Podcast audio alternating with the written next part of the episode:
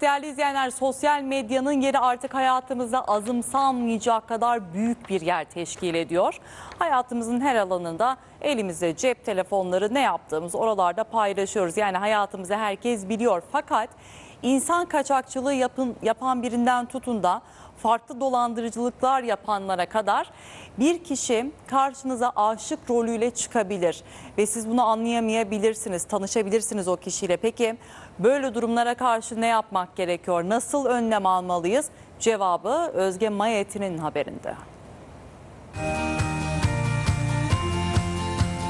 Sosyal medya güvenli değil, hiçbir hesap güvenli değil. Tanımıyorsun, bilmiyorsun. Neyle karşılaşacağını bilmiyorsun bir kere. Herkes kendini farklı bir şekilde tanıtıyor.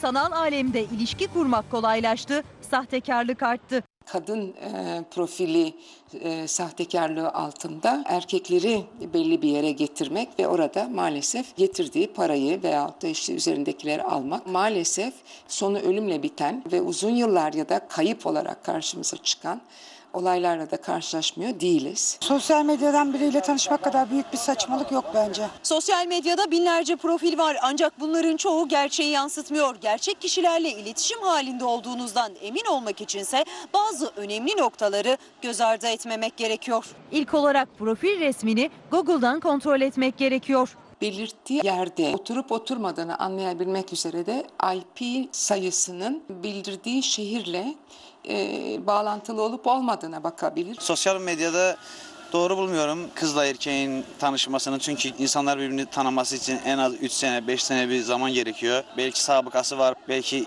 cinsel istismar- istismarcı birisi. Sosyal mecralar üzerinden oldukça kişisel, cinsellik içeren e, iletişimlere giren insanlar kolay kolay bu bağlantıyı kopartamıyorlar çünkü korkuyorlar. Bundan tabii korkmamak lazım çünkü tehlikenin neresinden dönülürse kârdır. Farklı profiller kullanıyorlar, farklı şeyler söylüyorlar. Zaten bununla ilgili cinayetler de duyuyoruz. Arkadaşlık sitelerinden eş bulmaya çalışanlara hararetle bundan vazgeçmelerini söylemek istiyorum. İlişkiler sanal olsa da mağduriyetler gerçek. Tedbirler alınmazsa yapılan hataların geri dönüşü olmuyor.